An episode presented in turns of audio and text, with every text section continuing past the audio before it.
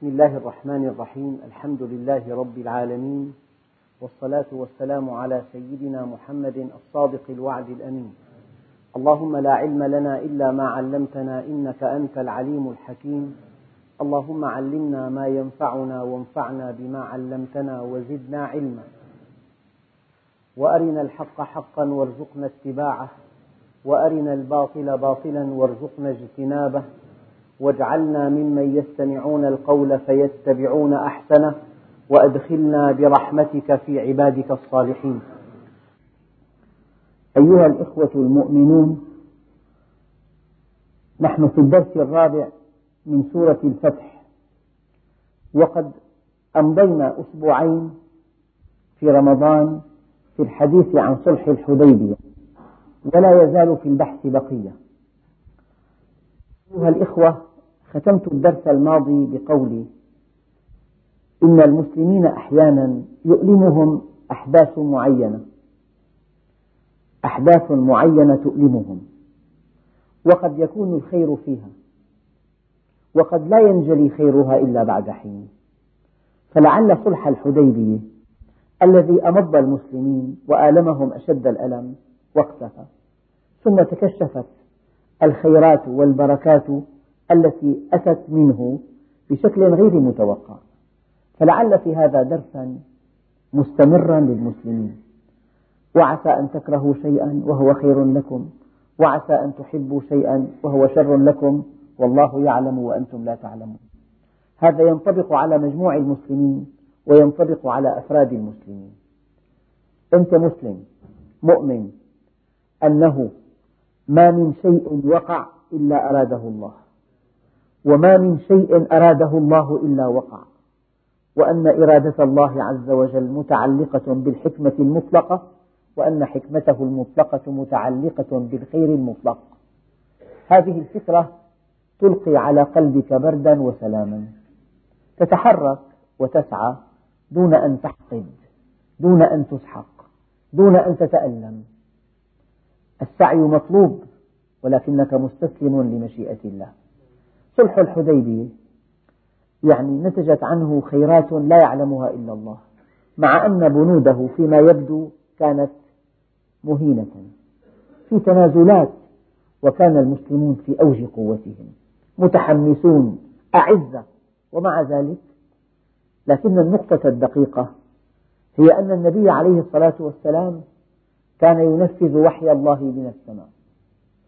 لذلك أنت عقلك يتحرك ويدرس ويحلل ويوازن ويقيم ويقلب ويبحث ويدرس فيما لا وحي فيه من السماء. أما إذا كان في وحي من السماء انتهى كل شيء. لأن الله عز وجل حكمته مطلقة وعدله مطلق ورحمته مطلقة. يعني كدرس جديد لا تسمح لنفسك أن تفكر في شيء أوحى الله به. لأن التفكير به دليل عدم اليقين من حكمة الله.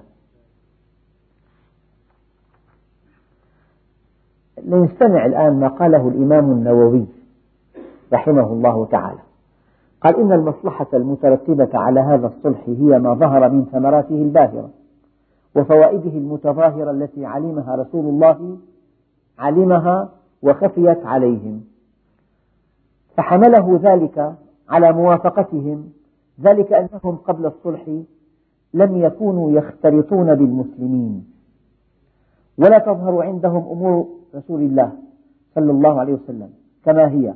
ولا يجتمعون بمن يعلمهم بها مفصلة. فلما حصل الصلح اختلط, اختلط المسلمون بأهل مكة.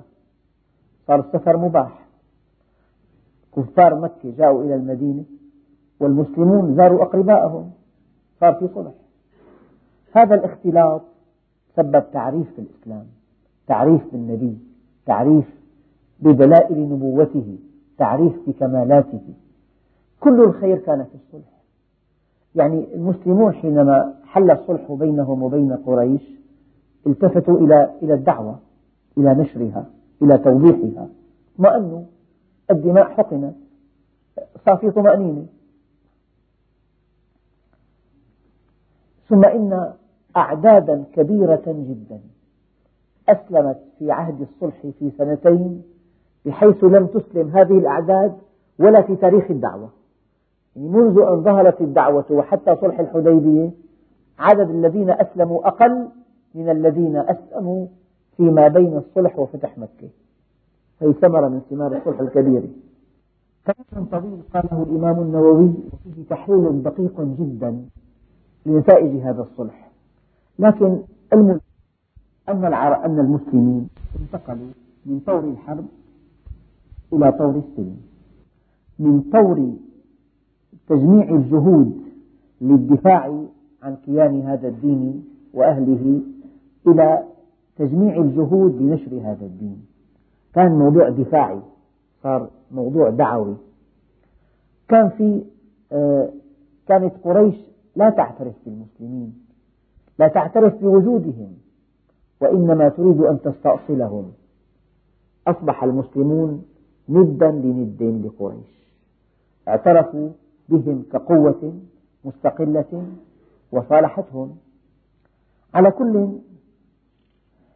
آه، في ومع ذلك سيدنا عمر حينما اعترض على النبي صلى الله عليه وسلم فقال يا رسول الله على ما نعطي الدنية في ديننا. قال عمر وما زلت أصوم وأتصدق وأصلي وأعتق مخافة كلامي الذي تكلمت به. حين رجوت أن يكون هذا خيرا فهذا الذي عمله عمر بعد موقفه من صيام وتصدق وصلاة وعتق مخافة كلامه في الحديبية إنما عمله لتأخره في قبول توجيه النبي عليه الصلاة والسلام. إذا كان سيدنا عمر بأعلى درجات الورع. كل هذا فعله تكفيرا لموقفه من النبي عليه الصلاة والسلام حينما رأى في بنود الصلح مهانة للمسلمين. الآن ماذا فعل النبي بعد الصلح؟ بعث النبي صلى الله عليه وسلم إلى مكة من الحديبية بعشرين بدنة مع ناجية بن جندب الأسلمي حيث نحرها بالمروة وقسم لحمها على فقراء مكة ففتح بذلك باب المودة وكسب شعور فقراء المكيين. صار في مجال نبعث هدايا. فالنبي بعث عشرين بدنة ذبحت في المروة ووزعت على الفقراء. لكن قبل الصلح ممنوع يدخل إنسان من المسلمين إلى مكة. صار في صلح صار في زيارات متبادلة.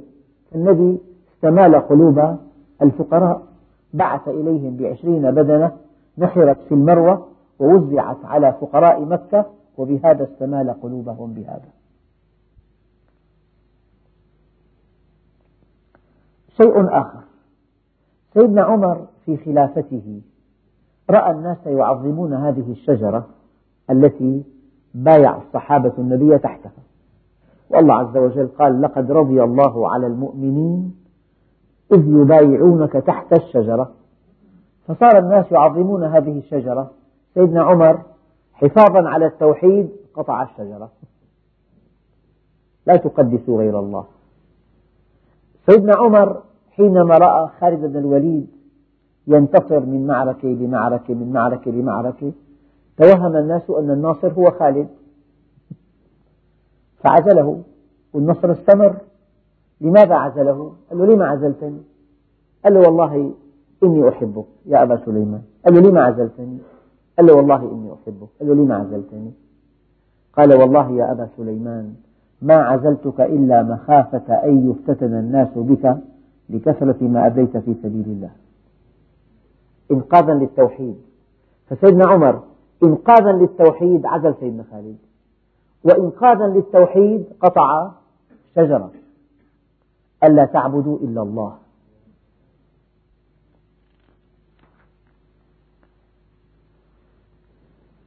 في عنا شيء دقيق جدا. جاء إلى النبي عليه الصلاة والسلام وهو بالمدينة أبو بصير وكان ممن حبس بمكة وكتب في رده طبعا لما هرب وجاء إلى المدينة والصلح قائم وأول بنود الصلح أن يرد النبي إلى مكة من جاء مسلما. فهذا أبو بصير جاء النبي مسلما فكتب في رده زاهر ابن عوف ابن سليق كتابا كتبا كتابا إلى النبي أنه قد جاءك فلان أبو بصير مسلما فرده إلينا وفق بنود الصلح. وبعثا به رجلا. هذا الذي فر إلى النبي. تنفيذا لبنود الصلح. فقدما على النبي صلى الله عليه وسلم بالكتاب فقرأه أبي بن كعب رضي الله عنه على النبي فإذا فيه دققوا. قد عرفت ما شرطناك عليه من رد من قدم عليك من أصحابنا. فابعث إلينا بصاحبنا فقال عليه الصلاة والسلام يا أبا بصير إنا قد أعطينا هؤلاء القوم ما علموا ولا يصلح لنا في ديننا الغدر ولا يصلح لنا في ديننا الغدر وإن الله جاعل لك ولمن معك من المستضعفين فرجا ومخرجا. فانطلق إلى قومك. قال يا رسول الله أتردني إلى المشركين؟ يفتنونني عن ديني. والله شيء بقطع القلب واحد جاءك مسلم والتجأ إليك لكن الصلح يقضي بأن ترد من جاءك من جاءك منهم. فقال عليه الصلاة والسلام يا أبا بصير انطلق فإن الله سيجعل لك ولمن حولك من المستضعفين فرجا ومخرجا. فانطلق معهم سلموا حسب الصلح. المسلمون ضجوا صاروا يقولون الرجل يكون خيرا من ألف, من ألف رجل. يغرونه بالذين معه. حتى إذا كانوا بذي الحليفة جلس أبو بصير إلى جدار ومعه صاحبه. فسل أحد الرجلين سيفه ثم هزه. وقال لأضربن بسيفي هذا في الأوس والخزرج يوما. إلى الليل. لأضربن بسيفي هذا في الأوس والخزرج يوما إلى الليل فقال له أبو بصير أو صارم سيفك هذا؟ يا أخا بني عامر. قال نعم. قال انظر إليه. إن شئت خذ شوفه قال فنا... قال ناولنيه انظر إليه. قال له شوف صارم قال ناولنيه انظر إليه. فناوله فلما قبض عليه قتله به. ثم تناوله بفيه وصاحبه نائم فقطع أثاره. مقيد لأنه قطع أثاره بفيه. فطلب المولى فخرج المولى سريعا حتى أتى رسول الله صلى الله عليه وسلم وهو جالس في المسجد. فلما رآه رسول الله والحصى يطلب تحت قدميه من شدة الخوف. وأبو بصير في أثره حتى أزعجه. قال عليه الصلاة والسلام هذا الرجل قد رأى فزعا قد رأى هذا ذعرا فلما انتهى إلى النبي عليه الصلاة والسلام وهو جالس في المسجد قال له ويحك ما لك قال قتل صاحبكم صاحبي. قتل صاحبكم يعني أبو بصير صاحبي من بني عامر وأفلت منه ولم أكد وإني لمقتول. واستغاث برسول الله صلى الله عليه وسلم فأمنه النبي عليه الصلاة والسلام. فإذا أبو بصير بباب المسجد ودخل متوشحا السيف يا رسول الله وثب ذمتك أنت وفيت اتركني إيدي بقى أتصرف يعني. وثب ذمتك وأدى الله عنك أسلمتني بيد القوم وقد امتنعت بديني أن أفتن فيه ويفتن بي. فقال له النبي الكريم اذهب حيث شئت وارجع. اذهب حيث شئت. فقال أبو بصير يا رسول الله هذا سلب العامري. فخمسه. فقال عليه الصلاة والسلام إذا خمسته رأوني لم أف لهم بالذي عاهدتهم عليه ولكن شأنك بسلب صاحبك. اذهب عنا.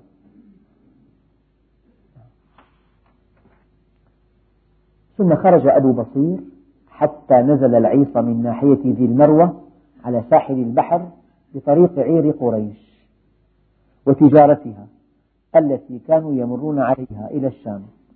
واجتمع إليه جمع من المسلمين الذين كانوا احترسوا بمكة. أي إنهم لما بلغ خبره رضي بلغهم خبره رضي الله عنه وأن رسول الله صلى الله عليه وسلم قال في حقه ماذا قال النبي في حقه؟ قال ويل أمه. مسعر حرب لو كان معه رجال. رجل شديد جدا. مسعر حرب لو كان معه رجال. أي لو كان معه رجال يتسللون إليه. وفطن أبو بصير من لحن هذا القول أن الله سيرده وأنه جاعل له فرجا ومخرجا. وانفلت أبو جندل بن سهيل بن عمرو. لحقه. وخرج من مكة في سبعين فارسا أسلموا. هذا كله أثناء الصلح. فلحقوا بأبي بصير وكرهوا أن يقدموا على النبي في تلك المدة التي هي زمن صلح وهدنة حتى ما يخرجوا يعني. خوف أن يردهم إلى أهليهم فلم يزل أصحابه يكسرون حتى بلغوا ثلاثمائة. ثلاثمية قاعدين على طريق القوافل. وكان أبو بصير كثيرا ما يقول وهو بسيف البحر الله العلي الأكبر من ينصر الله فسوف ينصر.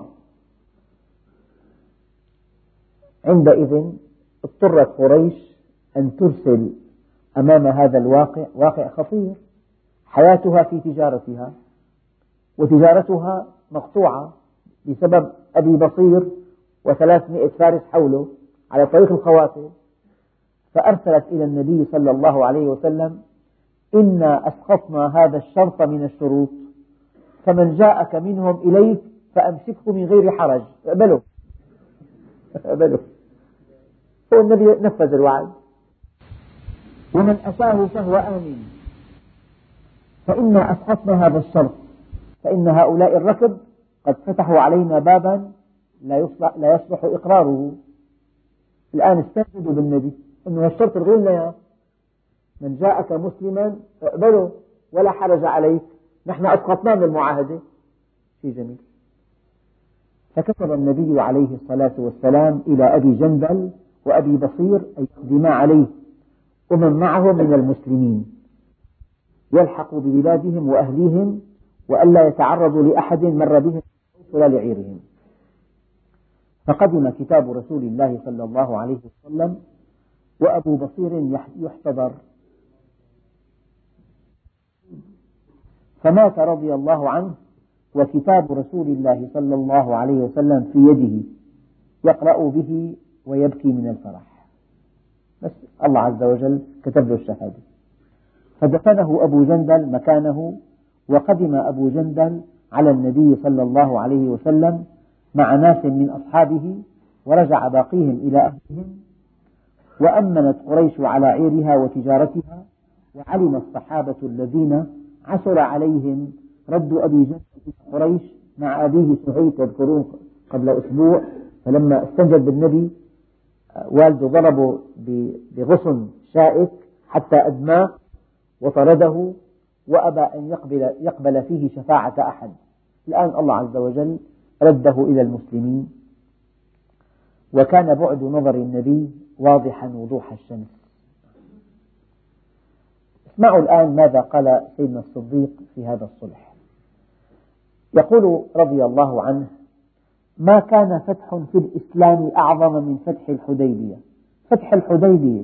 الله سمى لما قال إنا فتحنا لك فتحا مبينا. يعني صلح الحديبية. ولكن الناس قصر رأيهم عما كان بين محمد وربه. هي المشكلة كلها أن الصحابة ظنوا أنه اجتهاد من رسول الله مع أن النبي صلى الله عليه وسلم تلقى وحيا من الله ومع الوحي ما في تفكير. تذكرون لما الحباب بن المنذر آه، رأى الموقع الذي آه، جلس فيه صحابة رسول الله في معركة بدر قال له يا رسول الله أهذا المنزل وحي أم رأي؟ قال بل هو رأي. قال ليس بموقع. شوف دقة الصحابة أول شيء سأل وحي أم رأي؟ إذا وحي ولا كلمة. هي قاعدة. الالتباس بالحديبية أن, أن الله سبحانه وتعالى أوحى إلى النبي أن افعل كذا وكذا وتساهل في كذا وكذا. فانتهى. النبي وقف عند أمر الله عز وجل. من كان قريبا من النبي جدا هو سيدنا الصديق قال له إلزم غرزه إني صدقته. سيدنا عمر ما أدرك هذه الناحية فكان في حيرة من أمره. يقول سيدنا الصديق ولكن الناس قصر رأيهم عما كان بين محمد وربه والعباد يعجلون. والله لا يعجل لعجلة العباد حتى تبلغ الأمور ما أراد. الله عز وجل ناظر إلى أعداد كبيرة جدا من قريش مؤمنة لكنها تخفي إيمانها خوفا من قريش. فلما كان الصلح أعلنت إسلامها وبقيت في مكانها. فلما عرفوا أن أبا بصير في موقع في طريق قريش انضموا إليه 300 لقد رأيت سهيل بن عمرو في حجة الوداع. الآن شوفوا هالمنظر والله لا يصدق. سهيل بن بن عمرو ابن عمرو من هو؟ رئيس الوفد المفاوض. لما كتب النبي الكريم بسم الله الرحمن الرحيم رفض. لا نعرف, لا نعرف هذا. باسمك اللهم. طيب. لما كتب هذا ما اتفق عليه محمد رسول الله لأمحو رسول الله لو آمنا بك ما ما قاتلناك. والنبي ما في مانع نحية اكتب محمد بن عبد الله. هذا الإنسان نفسه في أشياء كثيرة ذكرناها في الدرس الماضي. لما كل قضية يعترض عليها والنبي يتفاعل معه احذفها احذفها احذفها. سهيل بن عمر نفسه بعد أن أسلم يقول لقد سيدنا الصديق لقد رأيت سهيل بن عمر في حجة الوداع قائما عند المنحر يقرب للنبي صلى الله عليه وسلم بدنه. يقدم ناقة ورا ناقة. والنبي ينحرها بيده. وضع الحلاق لحلق رأسه. كلما يلفظ من شعره يلفظ من شعره صلى الله عليه وسلم يضع شعره على عينه. سهيل بن عمر يلي رفض أن يكتب محمد رسول الله. وتكلم معه بالمفرد ند لند. لما عرف مقامه صار إذا الحلاق قطع شيء من شعر النبي يأخذ هذه الشعرة ويضعها على عينه تبركا به. هذه النتيجة كانت رئيس الوفد المفاوض أسلم. أعداد كبيرة جدا أسلمت. المسلمون ارتاحوا من الحرب صاروا في دعوة إلى الله. النبي أرسل كتب للملوك ملوك الأعاجم الناس دخلوا في دين الله أفواجا. كل هذا ببركة هذا الصلح. يقول أحد العلماء الزهري فما فتح في الإسلام كان أعظم منه إنما كان القتال حيث التقى الناس. فلما كانت الهدنة ووضعت الحرب وأمن الناس بعضهم بعضا والتقوا فتفاوضوا في الحديث والمنازعة فلم يكلم أحد بالإسلام يعقل شيئا إلا دخل فيه. ولقد دخل في تينك السنتين مثل ما كان في الإسلام من قبل. وقال ابن هشام والدليل على قول الزهري أن رسول الله صلى الله عليه وسلم الآن دققوا أخذ كل من معه للصلح للحديبية وأخذ من حول المدينة كان العدد كم؟ 1400 لما دخل مكة فاتحا دخلها في عشرة آلاف مقاتل. كلهم آمنوا فيما بين الصلح وبين الفتح. بعض النتائج التي ذكرها علماء التاريخ. قال صلح الحديبية اعتراف رسمي موقع من قريش بأن رسول الله صلى الله عليه وسلم ومن معه سنة متميزة وصلوا قريش زعيمة القبائل. وهذا يعني أن كل قوى الجزيرة العربية راجعت حساباتها. قريش اعترفت برسول الله اعترفت به قوة متميزة مستقلة. فكل واحد عاون قريش على النبي توقف وراجع حساباته. أما هذه الهدنة في هذا الصلح كانت فرصة ذهبية للمسلمين فاتصلوا بالقبائل واختلطوا بأفرادها فشرحوا لهم الإسلام وبلغوا الرسالة بالحكمة والموعظة الحسنة وبالحجة والبرهان والعقل والمنطق فأسلم في سنتين اثنتين من الصلح ما يعادل الذين أسلموا قبل الصلح. ما في اختلاف. أهل قريش جاءوا إلى المدينة رأوا المسلمين في توادهم وترحمهم وتعاطفهم وألفتهم والتفافهم حول النبي وتعظيمهم له. رأوا أخبار سمعوا أخبار النبي يعني تعلموا. والمسلمون ذهبوا إلى أهلهم في مكة. ذكروهم بالنبي بأخلاقه بنبوته بدلائله النبوية بالإسلام وعظمة الإسلام أيضا ارتاحوا.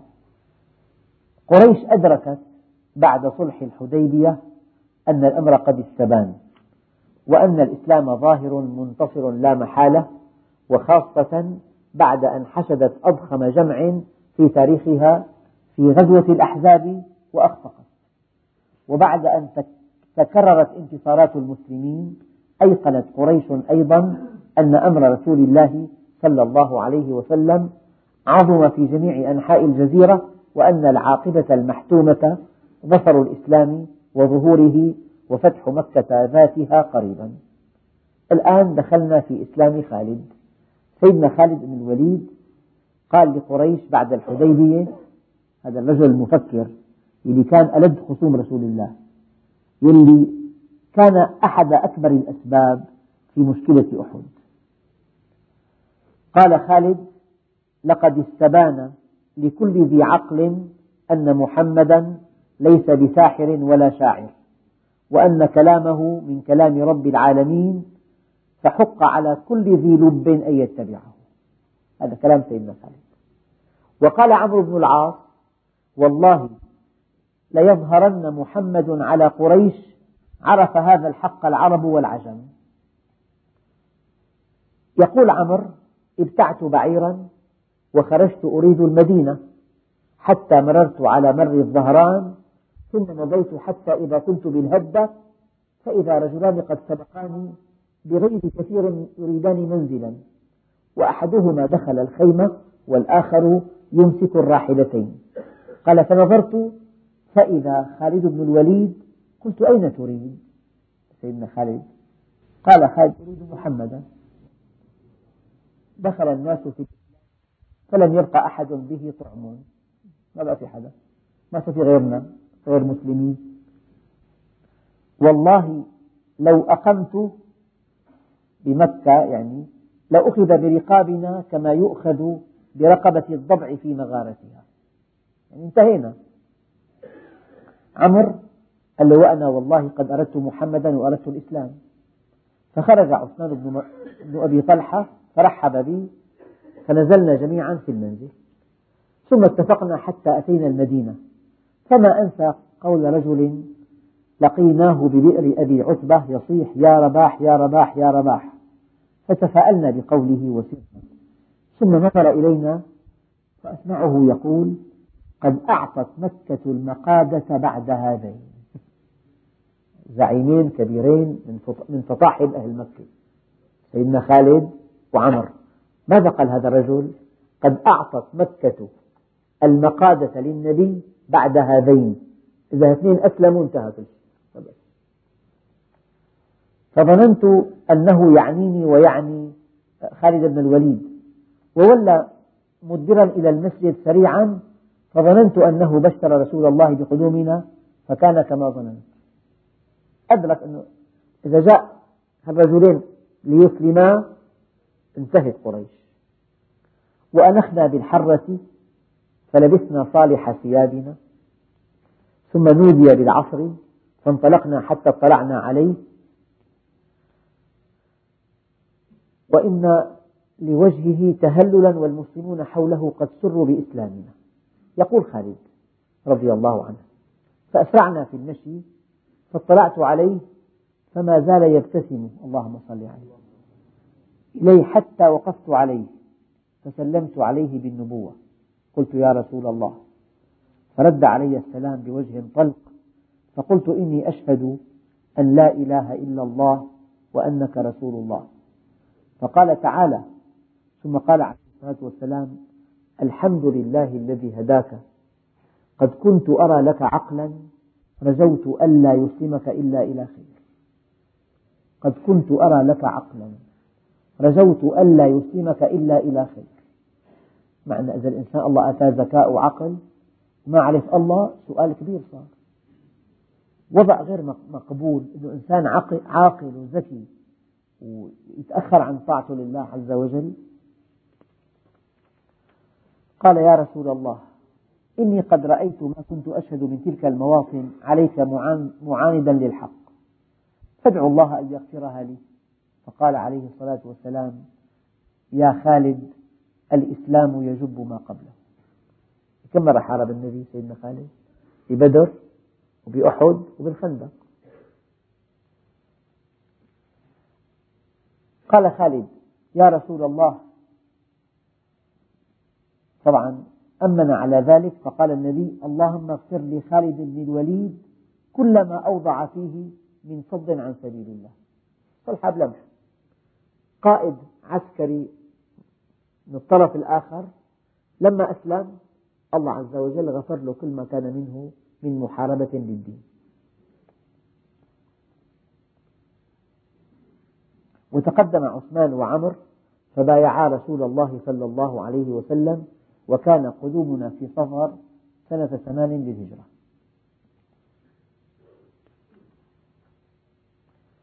طبعا والصلح أعاد طريق القوافل والحركة أصبحت سالكة ولقاءات واتصالات ودخل الناس أفواجا في دين الله. والنبي عليه الصلاة والسلام يعني قوي مركزه كثيرا والتفت إلى الدعوة. وفي العام القادم دخل النبي صلى الله عليه وسلم مكة لعمرة القضاء وبقوا فيها ثلاثة أيام محققا نصرا إعلاميا رائعا. وتمت العمرة بعد في العام القادم وهذه يعني بعض ما كتبه كتاب السيرة عن صلح الحديبية. فأعتقد الدرس القادم إن شاء الله. إذا عدنا إلى الآيات الآن واضحة جدا الآيات. هذا هو صلح الحديبية. وأعيد وأقول مرة ثانية هذا الصلح الذي جرى بين النبي وقريش والذي امتعض منه المؤمنون وتألموا أشد الألم وكان فيه الخير الكثير حتى سماه الله فتحا مبينا. هذا الصلح هذه الفكرة ربما يعني الإنسان لو شاهد ما يجري في العالم في أقاصي الدنيا من حروب ضد المسلمين لعل في هذا صحوة لأهل الأرض كلهم. الشيء الحقيقي الآن قضية الإسلام هي القضية الأولى في العالم في العالم. والذين ابتعدوا عن هذا الدين الآن في شوق إلى معرفته لتفسير ماذا يحدث؟ فإذا وعسى أن تكرهوا شيئا وهو خير لكم وعسى أن تحبوا شيئا وهو شر لكم والله يعلم وأنتم لا تعلمون. والحمد لله رب العالمين.